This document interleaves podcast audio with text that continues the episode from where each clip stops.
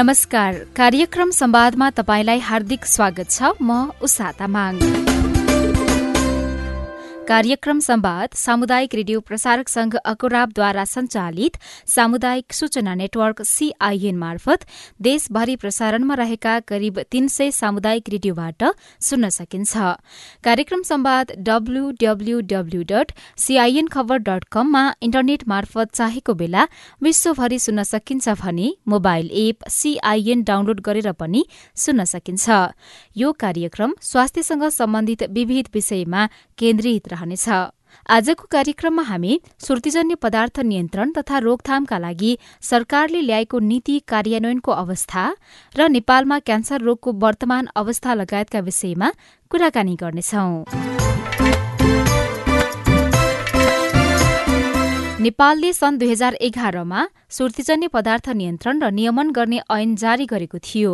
सुर्तीजन्य पदार्थ नियन्त्रण र नियमन गर्ने ऐन दुई हजार अडसठीले नेपालमा मात्र नभएर विश्वभरि नै प्रशंसा पाएको थियो। यो ऐन लागू भएपछि यसको विरूद्धमा सूर्य नेपाल प्राली लगायतका विभिन्न कम्पनीले अदालतमा मुद्दा दायर गरेका थिए जसले गर्दा सत्ताइस महिनासम्म ऐनको कार्यान्वयन हुन सकेन। पछि अदालतबाट फैसला भएपछि सन् दुई हजार चौधमा सुर्तीजन्य पदार्थको बट्टामा पचहत्तर प्रतिशत चेतावनीयुक्त सन्देश राख्नुपर्ने प्रावधान कार्यान्वयन गर्यो। अहिले ऐन कार्यान्वयनमा आएको दश वर्ष पूरा भइसकेको छ तर सोचे अनुसार उपलब्धि हासिल गर्न सकेको छैन। सरकारले ल्याएको ऐन कार्यान्वयनमा नआउनुको कारण के? हामीले सुर्तीजन्य पदार्थको नियन्त्रण तथा रोकथामको क्षेत्रमा लामो समयसम्म काम गर्दै आउनुभएका एकजना विज्ञ तारासिंह बमसँग कुराकानी गरेका छौं। सरल भाषामा भन्दाखेरि हाम्रो ऐन कानुनमा के छ? सार्वजनिक स्थलमा धुम्रपान अथवा सुर्तीजन्य पदार्थको सेवन नगर्ने। सार्वजनिक स्थान स्थान हुनाले पब्लिक पार्कहरू पनि पर्छन्। सरकारी सरकारी अफिसहरू भए प्राइभेट अफिसहरू भए होटेल रेस्टुरेन्ट जहाँ चाहिँ मान्छेहरूले बिना रोकटोक सजिलैसँग जान सक्छ पब्लिक जान सक्छ त्यसलाई चाहिँ हामी सार्वजनिक स्थल भनेर भन्छौँ। हो त्यो स्थानमा धुम्रपान चाहिँ नगर्ने भनेको। एउटा। अब यसको कार्यान्वयन सजिलैसँग कसरी गर्न सकिन्छ भन्दा त्यो बिल्डिङको म्यानेजर अथवा त्यो होटेलको म्यानेजर अथवा त्यो होटेलमा का कर्मचारीहरूले कुनै पनि सुर्ती खाने मान्छेहरूलाई अथवा चुरोट खाने मान्छेहरूलाई ल है यसलाई खानु हुँदैन यो यसले असर गर्छ कानुनमा यी प्रावधानहरू छन् खाने भयो भने बाहिर गएर खाइदिनुहोस् अथवा ओपन एयरमा खानुहोस् भर्सङ नखानुहोस्। यति मात्र भनिदियो भने यसको इफेक्टिभ इम्प्लिमेन्टेसन भएको मानिन्छ। तर हाम्रो समस्या के भयो भने धेरै जसो यो पब्लिक सेक्टरका जुन ओन गर्छ जो म्यानेजरहरू हुन् जो त्यहाँका काम गर्ने कर्मचारीहरू हुन् अथवा व्यवस्थापक हुन् उनीहरूलाई नीति नियम सम्बन्धी थाहै पनि भएन। अवेरनेस नभए हुनाले हाम्रो पब्लिक यो कानुन चाहिँ फितलो भयो। एउटा त्यसो दोस्रो स्वास्थ्य मन्त्रालय जसको जसले यसमा लिड रोल लिनुपर्ने हुन्छ र यसको रेस्पोन्सिबिलिटी लिनुपर्ने हुन्छ। सबै स्थानीय निकायहरूलाई गैर सरकारी सङ्घ संस्थाहरूलाई पत्रकारहरूलाई पब्लिकलाई जुन अवेरनेस जगाउनु पर्ने हुन्छ मास मिडियाबाट मास मिडिया हुनाले टेलिभिजनबाट रेडियोहरू भयो पत्र पत्रिकाहरू भयो सोसियल मिडियामा जुन अवेरनेसका प्रोग्रामहरू लगेर टोब्याकोले गर्दा यसले क्यान्सर हुन्छ यसले ट्युबरकुलोसिस हुन्छ यसले हार्ट एट्याक हुन्छ भन्ने जुन अवेरनेस ल्यानुपर्ने छ त्यसमा पनि धेरै कमी छन्। कहाँ सीमित के भयो भने सर्टेन एरियामा सीमित भयो त्यसलाई त्यसलाई चाहिँ लोकलाइज लोकल कन्टेक्स्टमा चाहिँ गर्न सकेन त्यसमा अझ वृहत रूपमा लाग्नुपर्ने देखिन्छ। गर्न त गरिरहेछ त्यसलाई लार्ज स्केलमा वृहत रूपमा ल्याउनु पऱ्यो जसो अब सुदूरपश्चिममा कुनै कार्यक्रम गर्नुपर्ने छ भने सुदूरपश्चिमकै भाषामा लोकल भाषामा त्यहाँकै मान्छेले बुझ्ने गरी त्यो कार्यक्रमहरू लगाउनु पऱ्यो हाम्रो अब विभिन्न प्रदेशहरूमा प्रदेशको लोकल भाषामा नै हामीले कार्यक्रमहरू लग्यो भने त्यसले बढी प्रभावकारिता पाउँछ र पब्लिक जन जनचेतना पनि अगाडि बढ्छ। हो त्यो एरियामा चाहिँ त्यो क्षेत्रमा सरकार चुकेको देखिन्छ। सरकारले बेला बेलामा ल्याउने ऐन र गर्ने व्यवस्था कार्यान्वयनमा कहाँनिर तालमेल भइदियो भने चाहिँ यो सजिलो हुन्थ्यो? सबभन्दा सरकारका नियम ल्याउने नियम कानुन र सरकारमा यो प्रभावकारी कार्यान्वयन नहुनुको अर्थ सरकारी जुन हामी होल अफ गभर्मेन्ट एप्रुभ भन्छ सबै निकायहरूको हाते मालो भएर अगाडि बढ्नुपर्ने र त्यसमा चाहिँ टोबाको इन्डस्ट्रीको इन्टरफेरेन्स अथवा उसलाई चाहिँ साझेदारको रूपमा लिनु नपर्ने। त्यो चाहिँ व्यवस्था हो। तर भइदियो के भने सरकारी निकायहरूको प्राय माथिल्लो लेभलको जुन नीति निर्माण तहमा टोबाको इन्डस्ट्रीका मान्छेहरू नै नीति निर्माणमा को घुसपैठ हो। त्यसले गर्दा हाम्रो जुन पोलिसी मेकर नीति निर्माण बनाउने मान्छेहरूको अब के के कारणले हो म ठ्याक्कै त भन्न भन्दैन। तर उनीहरूको त्यो जुन जिम्मेवारी उनले वहन गर्नुपर्ने हो जब पब्लिकले दिनुपर्ने सर्भिस हो त्यो सर्भिसलाई पब्लिकलाई नदिएर टोबाको इन्डस्ट्रीको इन्ट्रेस्टमा काम गरेको देखिन्छ। त्यसले गर्दा यो हाम्रो जुन नेसनल लेभलका जुन तालमेल नभएको देखिन्छ त्यो त्यहाँनिर चाहिँ टोबाको इन्डस्ट्रीलाई लाई ब्यान गर्ने बित्तिकै त्यो तालमेल हुन्छ तर त्यो देखिरहेको छैन। अर्को भनेको सरकारले हरेक वर्ष बजेट ल्याउँदा पनि सुर्तीजन्य पदार्थ नियन्त्रण गर्नको लागि कर लगाउनेदेखि लिएर विज्ञापनहरूमा पनि रोक लगाउने नब्बे प्रतिशत यस्तो भएको चित्र छाप्नुपर्ने लगायतका कुराहरू गर्छ होइन? तथ्याङ्क हेर्ने हो भने सत्ताइस हजारभन्दा बढीको सुर्तीजन्य पदार्थकै सेवन गरेर मृत्यु भइराखेको छ नेपालमा वर्षेनी। यो नीति नियम राम्रो तर पनि कमी कमजोरी भइराखेको छ बजेट पनि छुट्याउने तर कार्यक्रम प्रभावकारी भइराखेको छैन। सरकारले अटेरी गरेको जस्तो देखिन्छ। या सरकारसँग अझै स्रोत साधनको अभाव छ। टोबाको कन्ट्रोल यो सुर्तीजन्य पदार्थ नियन्त्रणको लागि एक रुपियाँ चाहिन्छ बजेट। प्रभावकारी कार्यान्वयन गर्नुको लागि यसको लागि बजेट चाहिँ यसमा चाहिने प्रतिबद्धता हो। अकाउन्टेबिलिटी जसलाई हामी भन्छौँ। सरकारी निकायको। अब यहाँ ताल कहाँनिर यो नमिलिरहेछ भने सो हजुरले बजेटकैमा त्यसमा प्राय मूल्य बढाउने त्यसपछि ट्याक्स बढाउने भन्ने कुरा छ। त्यो चाहिँ छलफल हुन्छ। तर अन्तिम उसमा मैले अघि भने जस्तै त्यहाँ राजस्व परामर्श समितिमा टोबाको इन्डस्ट्रीकै नै मान्छेहरू छ। जुन चाहिँ हाम्रो अन्तर्राष्ट्रिय जुन यो framework convention on tobacco control जुन एफसिटिसी छ त्यसको हामी सदस्य भएको नाताले त्यसमा त्यो टोबाको इन्डस्ट्रीको मान्छेलाई राख्न मिल्दैन।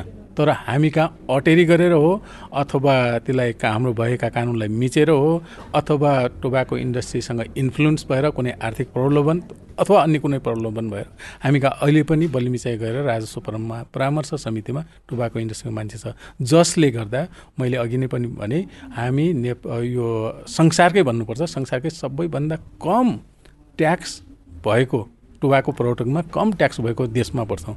कम ट्याक्स भयो भने के हुन्छ? त्यसको प्राइस मूल्य पनि प्राय कम हुन्छ। मूल्य कम भयो भने के हुन्छ? हाम्रो युथहरूले युवाहरूले त्यसलाई बढी सेवन गर्न खोज्छ। आउट अफ पकेट मनी जुन छ एउटा बिँडी किन्ने सिगरेट किन्ने सुर्ती किन्नेमा खर्च गर्छन्। त्यसले गर्दा हाम्रो यो जुन मैले अगाडि आफ्नो प्रस्तुतिमा राखेको थिएँ दुई हजार पन्ध्रसम्म हामी पन्ध्र हजार मान्छे नेपालमा मरिरहेछ भन्थ्यो टोबाको रिलेटेड तर त्यो बढेर अहिले सत्ताइस हजार पुगेको छ अथवा सैँतिस हजारसम्म पुगिसकेको छ। त्यो मेन भनेको कारण हाम्रो जुन इन्डस्ट्रीको इन्टरफेरेन्स र कानुनको कार्यान्वयनको फितलो। विश्व स्वास्थ्य सङ्गठनले नेपालमा सन् दुई हजार तिससम्म सुर्तीजन्य पदार्थको नियन्त्रण गर्न नसके भयावह स्थिति आउन सक्छ भनेर चेतावनी दिएको छ। यसका लागि सरकारको तर्फबाट कुनै ठोस काम अहिलेसम्म भएको देख्नु भएको छ? सरकारको अब एउटा ठोस काम भनेको नेपाल सरकार अथवा सबैको एउटा पब्लिक पार्टिसिपेसन भएर राम्रो कानुन आएको छ त्यसलाई ठोस भन्न मिल्छ। त्यो एउटा ठोस हो पहिलो एउटा फाउन्डेसन बनाउने काम भयो।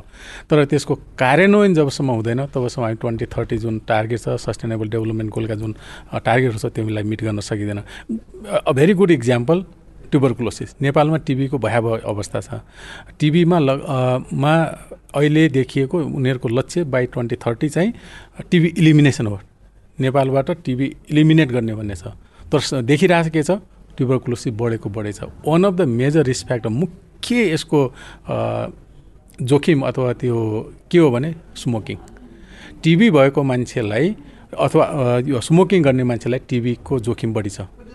र टिबी भएको मान्छेले चुरोट बिँडी खैनी सेवन गर्दै गयो भने उसलाई निको हुने चान्स पनि कम छ। त्यसैले जसो टिबी कन्ट्रोल प्रोग्राममा टोबाको कन्ट्रोलको इन्टरभेन्सन भयो भने भएन भने हामी टिबी इलिमिनेट गर्नै सक्दैनौँ। गर्नै सक्दैनौँ। त्यो एउटा इक्जाम्पल मात्र हो। त्यसै गरी अन्य रिप्रोडक्टिभ हेल्थमा भयो नन कम्युनिकेबल डिजिजमा भयो यो एरियामा यदि इन्भाइरोमेन्टल हेल्थमै भयो यदि हामीले प्रभावकारी कानुनलाई कार्यान्वयन गर्न सकेनौँ र त्यसमा पनि यो प्राइस मूल्य चाहिँ हामीले सेभेन्टी पर्सेन्ट सेभेन्टी पर्सेन्ट भनेको के भन्दा त्यो उसको खुद्रा प्राइसको सत्तरी पर्सेन्ट चाहिँ ट्याक्स बढाउनु पर्ने हुन्छ। त्यो भए यदि त्यो भयो भने त्यसले चाहिँ त्यो यो स्मोकिङ रिडक्सन जुन त्यसको प्रोपोर्सनल त्यो हुन्छ सिग्निफिकेन्टली हामीले नयाँ मान्छेलाई खानाबाट बचाउँछौँ रोक्छौँ र खाइरहेको मान्छेलाई क्विट गर्न इन्करेज गर्छौँ अथवा छोड्न इन्करेज गर्छौँ। त्यो चाहिँ प्रभावकारी हो एउटा स्ट्राटेजी हो। दोस्रो पिक्टोरियल हेल्थ वार्निङ त्यसलाई कार्यान्वयन भएन भने फेरि त्यो मिट गर्न त्यो ट्वेन्टी थर्टीको गोल मिट गर्न सकिँदैन। अर्को हामी जति पनि टोबाकोका विज्ञापनहरू छन् यसका प्रबन्धन गर्ने कुराहरू छन् यसलाई पनि रोक्न सकेनौँ भने हामी नयाँ पुस्तालाई हामीले त्यसबाट रोक्न सक्दैनौँ। नयाँ पुस्ता त विज्ञापन देखेर प्रभावित हुन्छ नि त। यी कुराहरूमा प्रभावकारी कार्यान्वयन भयो भने स्टिल चान्स टु मिट त्यो twenty thirty goal. Otherwise it's impossible यसलाई कार्यान्वयनको विषयमा लिएर जानको लागि सरकारले नीति नियम बनाउने सरकारले आफ्नो तर्फबाट काम गर्ने अहिले फेरि हामी तिन तहको सरकारमा पनि छौँ र साथसाथै विभिन्न अन्तर्राष्ट्रिय स्तरका र राष्ट्रिय स्तरकै पनि संस्थाहरूले कामहरू गरिराखेको छ। त्यो बाहेक समुदाय स्तरलाई जसरी अघि भन्नुभयो नि समुदायलाई पनि समेटेर हामीले यसलाई नियन्त्रण गर्न सक्छौँ। बुदागत रूपमा भन्नुपर्दा सरकार र समुदाय या सम्बन्धित सरकारवालाले कुन कुन कुरालाई ध्यान दियो भने हामीले बनाएका नीति निर्माण नीति कानुनहरू ऐनहरूलाई सजिलै एकदमै सहज तरिकाले कार्यान्वयनमा लिएर जान सक्छ। नम्बर वानमा अगेन त्यो मिनिस्ट्री अफ हेल्थको लिड रोल हुनै पर्यो। र मिनिस्ट्री अफ हेल्थ स्वास्थ्य मन्त्रालयले स्थानीय निकायलाई जति पनि हाम्रो पालिका छन् जति पनि नगरपालिका छन् त्यहाँको मेयर त्यहाँको पालिका प्रमुख तिनीहरूलाई अकाउन्टेबल बनाउनु पऱ्यो अकाउन्टेबल बनाउनु भन्नुको अर्थ उनीहरूलाई यो नीति नियम सम्बन्धी पुरा उनीहरूलाई ज्ञान हुनु पऱ्यो र उनीहरूलाई ल है तिमीहरूले गर्न सक्छौ किनभने उनीहरूको म्यान्डेट हो कार्यान्वयन गर्ने र गर्न पनि सकिन्छ। तिनीहरूलाई एडभोकेसीको कुराहरू हुन्छ अवेरनेसका कुराहरू र यो स्वास्थ्य कर कोष जुन स्वास्थ्य कर कोष यो नेपाल गभर्मेन्टले इस्टाब्लिस गरेको त्यो कोषको पैसालाई प्रभाव यो गैर सरकारी सङ्घ संस्था र मिडियालाई इन्गेज गर्न इफेक्टिभ रूपमा त्यसको पनि प्रयोगमा ल्याउनु पऱ्यो अहिले भइरहेकै छ भने त्यसको इफेक्टिभ युज भइरहेको छैन। त्यो त्यसले गर्दा के हुन्छ पब्लिक प्राइभेट पार्टनरसिप स्ट्रङ हुन्छ र सबैको कन्ट्रिब्युसन इक्वल हुन्छ। त्यसले स्वास्थ्य मन्त्रालयको एउटा रोल त्यो पनि छ। अर्को स्वास्थ्य मन्त्रालयले मास मिडियामा एग्रेसिभली जानुपर्ने हुन्छ। Radio television. हामी कहाँ सबभन्दा बढी अहिले पनि radio television plus social media. Social मिडियामा एग्रेसिभली टोबा टोबाको कन्ट्रोलका प्रो प्रावधानहरू र टोबाकोकाबाट हुने असरहरूलाई हामीले लग्यो भने त्यसले पब्लिक पार्टिसिपेन्ट अगाडि अगाडि आउँछ र सबैको हामी यसको न्यूनीकरणमा अगाडि बढ्छौँ। यो सुर्तीजन्य पदार्थको नियन्त्रण र रोकथाम गर्न नसक्दा नेपाली र नेपाललाई कस्तो असर गरिराखेको छ? यदि हामीले यो टोबाको कन्ट्रोललाई इफेक्टिभ रूपमा कार्यान्वयनमा गएन भने सबभन्दा पहिला त एउटा फ्यामिलीमा पर्ने आर्थिक भार जसो यसले क्यान्सर गराउँछ यसले हार्ट अट्याक गराउँछ यसले क्षयरोग गराउँछ यसले के भन्छ हामीलाई? निमोनिया हुन्छ आस्मा हुन्छ सिओपिटीका कुराहरू यो यसको अवस्था झन् भयावह भएर जान्छ। त्यसले गर्दा सबभन्दा पहिलो डाइरेक्ट इम्प्याक्ट भनेको फ्यामिलीमा पर्छ। फ्यामिलीमा डाइरेक्ट इम्प्याक्ट इकोनोमिक प्लस त अब हेल्थ हेल्थ इम्प्याक्ट त भइहाल्नै हाल्यो।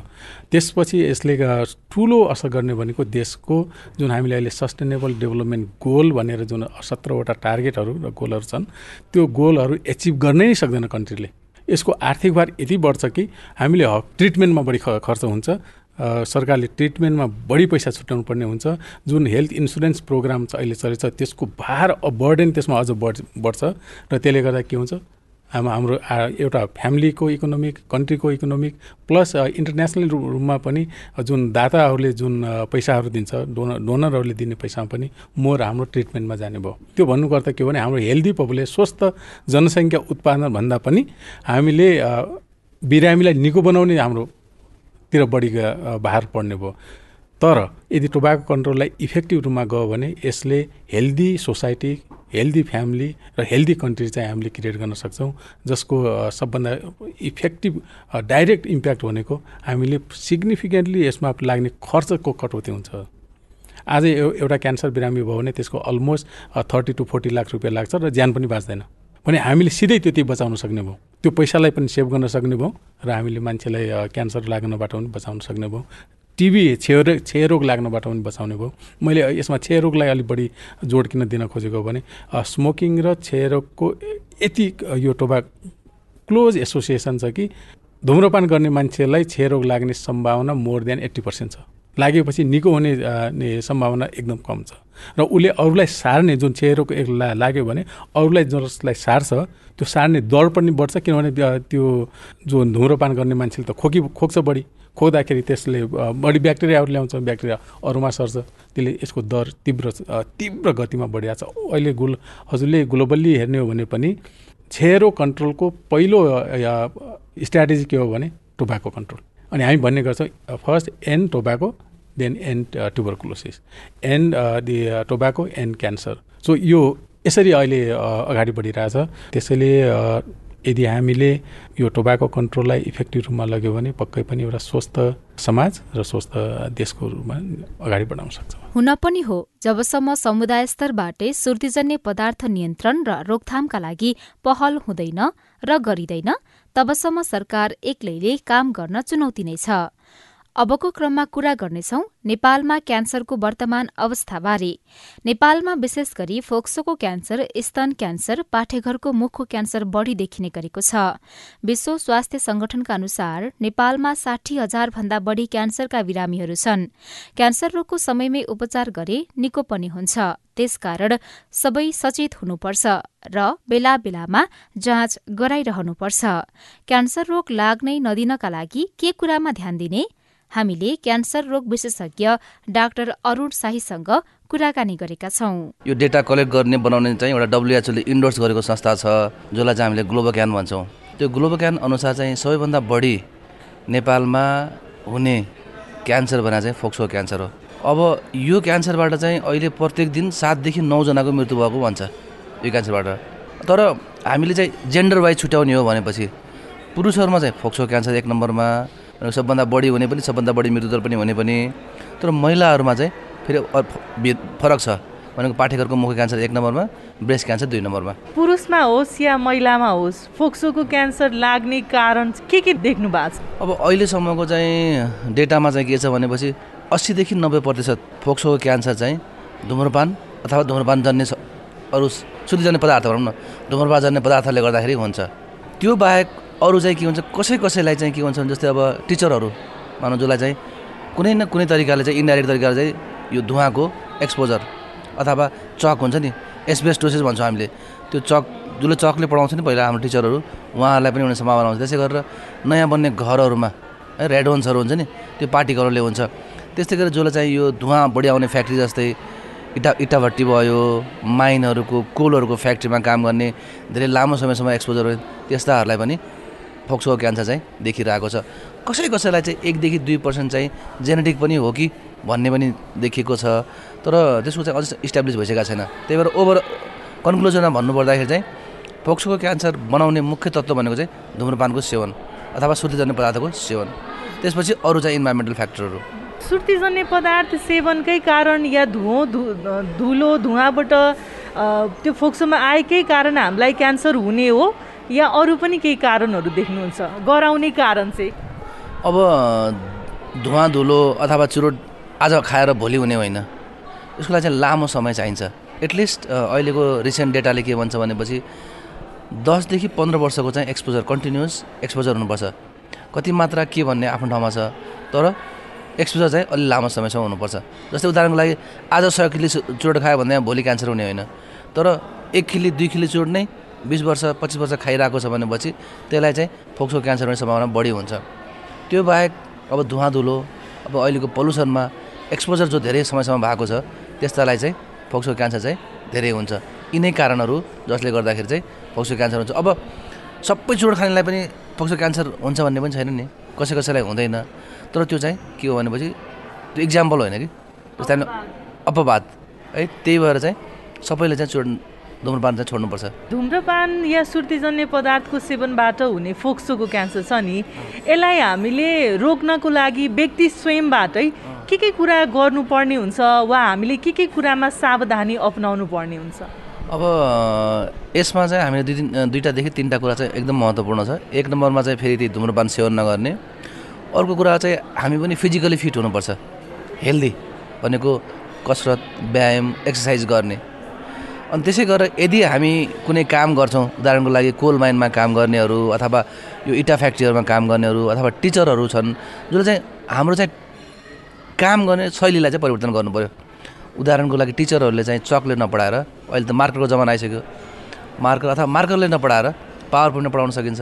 त्यसलाई चाहिँ हामी परिवर्तन गर्नु पऱ्यो अर्को जस्तै कोल माइनमा काम गर्नेहरू अथवा इटा भट्टीमा काम गर्नेहरू अथवा नयाँ घर बनाउनेहरूले चाहिँ अब त्यो नयाँ घर त बनाउनु पऱ्यो। कोल माइनमा काम गर्नेले त काम गर्नु रोक्न सक्दैन। त्यस्तोमा चाहिँ के प्रिकसन लिने? प्रिकसन के प्रिकसन जस्तै मास्क लगाएर जाने। होइन? त्यो जुन त्यो फिल्टर फिल्टरेबल मास्क हुन्छ त्यस्तो मास्कहरू लगाउने अथवा धेरै लामो समयसम्म एक्सपोज नहुने। उदाहरणको लागि हामी कुनै पनि काम ठाउँमा काम गर्दाखेरि हाम्रो चार घन्टाको ड्युटी हुन्छ छ घन्टाको ड्युटी हुन्छ। त्यस्तै त्यो कोल माइनमा काम गर्नेहरू चाहिँ दिनमा चाहिँ दुईदेखि म्याक्सिमम् छ घन्टा। त्योभन्दा लामो समयको ड्युटी नगर्ने। र ड्युटी गर्न जानै पऱ्यो भने पनि मास्क लगाएर मात्रै जाने।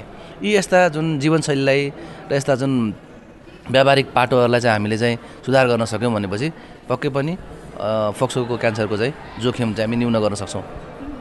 यो सामान्यतया फोक्सोको क्यान्सर यदि हामीलाई भइहालेमा सुरुवाती लक्षणहरू के के देखिन्छन् र कुनै एउटा लक्षण देखिहालेमा हामीले घरमै सबैभन्दा पहिले गर्ने उपाय के हुनसक्छ र कुन अवस्थामा चाहिँ हामी चिकित्सककोमा जानुपर्ने हुन्छ? अब फोक्सो क्यान्सरको चाहिँ लक्षण देखिनको लागि चाहिँ सबभन्दा पहिला चाहिँ सिम्पल चाहिँ खोकी हो। खोकी लाग्ने अथवा घाँटी खसखसाउने अथवा अब अलिकति बढ्दै गयो भने चाहिँ खकारमा रगत आउने हाम्रो स्वर भाँसिने स्वर बस्ने छाती दुख्ने यस्ता कुनै पनि लक्षणहरू देखियो भनेपछि पहिला त हामी नजिकको चिकित्सकमा जान्छौँ। चिकित्सकले सामान्य उपचार गर्नुहुन्छ। मानौ एक हप्ताको एन्टिबायोटिक दिनुहोला अथवा एन्टी एलर्जिक दिनुहोला त्यस्तो केही दिएर हामीले एक दुई हप्ता अथवा दुई हप्ताभन्दा बढी अथवा तिन हप्ताभन्दा बढी समयसम्म चाहिँ निको भएन। यो पर्सिस्टेन्स भइरह्यो। अझै लक्षणहरू बढ्दै गए भनेपछि हामी चाहिँ कतै हामीलाई क्यान्सर हो कि भनेर तुरन्त हामी कन्सल्टेन्ट अथवा यो स्पेसलिस्ट लेभलकोमा पुग्न जरुरी छ। तर यो भन्दै गर्दा के छ भनेपछि हामी एकैचोटि डाक्टरको जान सकिँदैन जानु पनि सकिँदैन जानु पनि हुँदैन। पहिला हामी घरेलु जस्तै अब खोकी लाग्यो अथवा भनौँ न गाडी खसखस भयो भनेपछि हामीले के गर्न सकिन्छ? तातो पानीहरू जुन घरेलु उपचार छ तातो पानी खाने तातो पानीमा अदुवा अब जे पनि छ नि हाम्रो जुन गराएपछि तिनीहरूलाई कन्टिन्यू गर्ने। तिनीहरूले ठिक पारेन भनेपछि तिन चार दिनमा हामी नजिकैको हेल्थ पोस्टमा जाने अथवा नजिकको डाक्टरलाई देख्ने। अनि तिनीहरू त्यस त्यो गर्दा पनि ठिक भएन भने चाहिँ अनि बल्ल हामी अरू जाँचहरू गर्न सकिन्छ। सबभन्दा पहिला जाँच के गर्नु पऱ्यो एउटा चेस्ट एक्सरे गर्नु पऱ्यो यो गरेपछि चाहिँ हामीलाई आइडिया हुन्छ। पहिला चाहिँ हामीले छातीको एक्सरे गरेर के चाहिँ पत्ता लगाउन सक्छौँ भने चाहिँ यो चाहिँ इन्फेक्सन मात्रै हो कि? अथवा यो चाहिँ अरू रोगहरू जस्तो टिब टिबी हो कि? होइन किनकि टिबीमा पनि खोकी लाग्छ। क्यान्सर बाहेकका अरू रोगहरूमा छा फोक्सोको रोगहरूमा देखिने पनि लक्षण यही हो। अब टिबीमा पनि तपाईँको खकारमा रगत आउँछ। खोकी लाग्छ। मान्छेको वजन घट्छ नचाहँदा नचाहँदै होइन त्यसै गरी दममा सास फेर्न गाह्रो हुने खोकी लाग्ने खकारमा रगत आउने अथवा बढी जस्तो खकार आउने। यस्ता कुनै पनि फोक्सोको क्यान्सर अथवा फोक्सोको भनौँ न रोगको लक्षणहरू देखियो भनेपछि हामीले चाहिँ रुल आउट गर्दै जाने। र यो कसरी गर्न सकिन्छ? चिकित्सकसँग परामर्श लिएर। फोक्सोको रो क्यान्सरलाई रोक्नको लागि सरकारले पनि धेरै नै नियम नीति नियमहरू बनाएका छन्। तर पनि तिन तहको सरकारले अझै यो क्षेत्रमा जति काम गर्नुपर्ने गरेको देखिँदैन। सरकारले खास के के कुरा गरिदियो भने हामीले दैनिक सातदेखि नौजनाको मृत्यु दरलाई घटाउन सक्छौँ वा वर्षेनी सत्ताइस हजारभन्दा बढीको जुन मृत्यु भइराखेको छ त्यसलाई चाहिँ घटाउन सक्छौँ? अब यसमा चाहिँ के छ भने सरकारको रोलभन्दा पनि पहिला त हामी पब्लिक अथवा जनताको मेन रेस्पोन्सिबिलिटी अकाउन्टेबिलिटी हुनु पऱ्यो हामी डिसिप्लिन हुनु पऱ्यो जस्तै हामीले चाहिँ धुम्रपानलाई त्याग्नु पऱ्यो होइन? अब यो हामीले चाहिँ धुम्रपान त्याग्यौँ त्याग्दा बित्तिकै त सरकारको रोल त त्यतिकै पनि कम भइहाल्यो। तर पनि अब कति यस्तो खालको ग्रुप छ जसले चाहिँ यो फनको लागि रिक्रिएसनको लागि अथवा एडभर्टाइजको लागि अथवा विज्ञापनको लागि पनि गर्छन्। हो त्यस्तोलाई चाहिँ हामीले के गर्छ सरकारले के गर्न सक्छ भनेपछि नीति नियम कडा बनाएर जस्तै यो सुती अथवा सिगरेट अथवा यस्तो सुतीजन्य पदार्थको चाहिँ बेचबिखन विज्ञापनमा चाहिँ कडाइ गर्न सक्छ। यस्तो गऱ्यो भने त हाम्रो फोक्सो क्यान्सर लगायत अरू जति पनि फोक्सोका रोगहरू छन् नि दम आस्थामा होइन यिनीहरूबाट चाहिँ हामी छुटकारा पाउन सक्छौँ। अर्को चाहिँ हामीले के गर्न सकिन्छ भनेपछि अब अहिलेलाई चाहिँ संसारभरि कुनै पनि रोग लाग्नुभन्दा पहिला पत्ता लगाउने प्रविधिलाई चाहिँ स्क्रिनिङ भनिन्छ। अब त्यो स्क्रिनिङ जाँचको लागि पनि हामीले चाहिँ पहल गर्न सकिन्छ। तर अब अहिलेसम्म यही स्क्रिनिङ जाँच गर्दा गर्दा फोक्सो क्यान्सर अथवा फोक्सोको रोगहरू चाहिँ समयमा पहिचान हुन्छ भन्ने इस्टाब्लिस भइसकेका छैन। तर केही जाँचहरू छन् जसले चाहिँ तपाईँलाई चाहिँ सहयोग गर्न सक्छ। उदाहरणको लागि तपाईँको खकारमा रगत आयो अथवा खोक्दाखेरि रगत आयो छाती दुख्छ नजाँदा नजाँदै वेट घट वजन घटिरहेको छ होइन? अनि तपाईँको स्वर भाँसियो भने तपाईँले सबभन्दा पहिला गर्न सक्ने के हो? छातीको एक्सरे। हो यदि सरकारले कसै एउटा एज ग्रुप भनौँ न सर्टेन पचपन्न वर्षभन्दा माथिको एज ग्रुपको मान्छेलाई जो चाहिँ हाई रिस्क छन् स्मोक गर्छन्। यस्तोहरूलाई चाहिँ वर्षमा एकचोटि चेस्ट एक्सरे फ्री गरिदियो भनेपछि त्यो पनि धेरैजना मान्छे आउँछन्। होइन? अर्को कुरा चाहिँ के छ भनेपछि एक्सरेको धेरै महँगो पनि पर्दैन। त्यही भएर हामी चाहिँ आफै अवेर भएर जनचेतना फैलाएर यदि सबै नागरिकहरू रेस्पोन्सिबल भएर स्क्रिनिङ गर्न आयो भने त आफ्नो जिउ बस्ने त हो नि। त्यही भएर चाहिँ यति गऱ्यो भनेपछि मलाई लाग्छ हामीले फोक्सो क्यान्सरबाट बस्न पनि सक्छौँ एउटा कुरा। अर्को कुरा चाहिँ के छ भने समयमै पहिचान हुन्छ। र समयमै पहिचान भएर समयमै उपचार गऱ्यो भने त फोक्सो क्यान्सर पनि निदान हुन्छ। हन्ड्रेड पर्सेन्ट क्योर हुन्छ। त्यही भएर यो कुरामा चाहिँ अलिकति हामीले चाहिँ ध्यान दिन जरुरी छ। भनेपछि फोक्सोको क्यान्सर यदि हामीलाई लागेको छ वा लागिहालेमा मृत्यु नै गराउँछ भनेर आत्तिनुभन्दा पनि हामी चाहिँ त्यसको उपचार पद्धति के छ त्यतातर्फ गयौँ भने हामी जोगिन सक्छौँ। अब म क्यान्सर रोग विशेषज्ञ भएको नाताले म के भन्छु भनेपछि अहिले चाहिँ यो मेडिकल साइन्स यति एडभान्स भइसक्यो कि इभन स्टेज वान टू थ्रीसम्मको फोक्सोको क्यान्सरलाई पनि क्योर गर्न सकिन्छ। तर स्टेज जति माथि बढ्दै गयो त्यो क्योर गर्ने चाहिँ सम्भावना अथवा रेट चाहिँ कम हुँदै आउँछ। होइन अब रोग लागिसकेपछि त उपचार गर्ने पऱ्यो होइन? रोग लाग्न नदिनुलाई चाहिँ त्यही हाम्रो लाइफ स्टाइललाई मोडिफाई गर्नु पऱ्यो अनि त्यही केही लक्षणहरू देखिन्छ भने स्मोक हाम्रो जुन स्क्रिनिङको जाँचहरू गर्नु पऱ्यो होइन यी कुराहरूलाई चाहिँ अलिक बढी फोकस गर्नुपर्छ। एउटा अङ्ग्रेजीमा भनाइ छ नि prevention is better than cure त्यही भएर हाम्रो अबको चाहिँ हामी सबैको इन्भेस्टमेन्ट र फोकस चाहिँ कसरी चाहिँ फोक्सको क्यान्सर अथवा विभिन्न दीर्घ रोगहरूको चाहिँ प्रिभेन्सनमा के गर्न सकिन्छ त्यो विषयमा चाहिँ पहल गर्नु जरुरी छ। कुनै पनि किसिमको क्यान्सर रोग लाग्नै नदिनको लागि हामीले विशेष गरी के के कुरामा ध्यान दिनुपर्ने? एकदमै राम्रो प्रश्न। यसमा चाहिँ तिनवटा कुरा इम्पोर्टेन्ट छ। एउटा चाहिँ हाम्रो जीवनशैली। जीवनशैली भन्नाले चाहिँ हामी के खान्छौँ? अथवा खानपिन भनौँ न। अहिले त सबैजना चाहिँ वेस्टर्न खानेकुरा खान लागिसक्यो। होइन हामी चाहिँ केही यसो काहीँ पार्क जानु पऱ्यो काहीँ घुम्नु भने यसो एक खेली चुरोट बुढाउने चुरोट पनि कुन खाने? होइन ब्रान्ड अनुसारको हुन्छ। त्यही भएर धुम्रपान कम्प्लिटली त्याग्नु पऱ्यो खानामा बर्गर पिज्जा जस्ता खानेकुराहरू नखाएर यो जुन वेस्टर्न फुडहरू नखाएर हामीले सिम्पल खानेकुराहरू हाम्रो भात दाल तरकारी अचार खाने। एक नम्बरमा दुई नम्बरमा चाहिँ के गर्ने भनेपछि हामीले चाहिँ हाम्रो शरीरलाई एटलिस्ट दिनमा तिन तिस मिनट टाइम दिनुपर्छ। एक्सर्साइज गर्ने योगा व्यायाम कसरत गर्ने। धेरै मोटो र धेरै दुब्लो भन्दा पनि हामी केमा ध्यान दिनु पऱ्यो हामी फिट छौँ कि छैनौँ। हामी प्रत्येक दिन योगा एक्सर्साइज कसरत गरिरहेको छैनौँ। हामी प्रत्येक दिन आफ्नो शरीरलाई आधा घन्टा समय दिइरहेको छैनौँ। यो कुरामा ध्यान दिनु पऱ्यो र अर्को चाहिँ अहिलेको जमानामा चाहिँ एकदमै के छ? कम्पिटिसनको जमाना इकोनोमिक रेभोल्युसनको जमाना सबैलाई काम गर्नु पऱ्यो पैसा कमाउनु पऱ्यो ठुलो घर बनाउनु पऱ्यो होइन? हो उहाँहरूलाई चाहिँ के चाहिँ मेरो नम्र निवेदन छ भनेपछि तपाईँहरू सबैले चाहिँ रेस्ट पनि गर्न जरुरी छ। काम गर्ने काम नगर्ने होइन तर एउटा मान्छेले चाहिँ हेल्दी हुनको लागि दिनमा छदेखि आठ घन्टा सुत्न जरुरी छ। त्यही भएर तपाईँले भनेअनुसार राम्रो खाने राम्रो एक्सर्साइज गर्ने तर रेस्टै छैन। त्यही भएर मान्छे एकदमै हेल्दी एकदम फिट भएर पनि हार्ट एट्याक स्ट्रोक होइन? किडनी फेलहरू हुने कारण यो रेस्ट नभएर त्यही भएर यो तिनवटा कुरालाई मिश्रित गरेर हामी अगाडि बढ्यौँ। खानपिन हाम्रो एक्सर्साइज र रेस्ट यो तिनवटा मिलायो भने मलाई लाग्छ नब्बे प्रतिशतभन्दा बढी यी दीर्घ रोग अथवा यी इन्फेक्सियस डिजिजहरू चाहिँ हामीले आफूलाई चाहिँ लाग्नबाट नै बचाउन सक्छौँ। क्यान्सर रोग लाग्नै नदिनका लागि मुख्य कुरा खानपानमा ध्यान दिनुपर्छ। सुर्तीजन्य पदार्थको सेवन गर्नु हुँदैन भने रक्सी सेवन पनि गर्नु हुँदैन धेरै चिल्लो बोसोयुक्त खाना खानु भएन। आगोमा पोलेको मासु धेरै खानु हुँदैन भने तयारी खाना र जङ्क फुड पनि खानु हुँदैन। यो सँगै आजका लागि कार्यक्रम सम्वादको समय सकिन लाग्यो। आजको विषयवस्तु तपाईँलाई कस्तो लाग्यो? तपाईँ हामीलाई हाम्रो टेलिफोन नम्बर शून्य एक बान्न साठी छ चार छमा फोन गरेर आफ्नो कुरा भन्न सक्नुहुनेछ।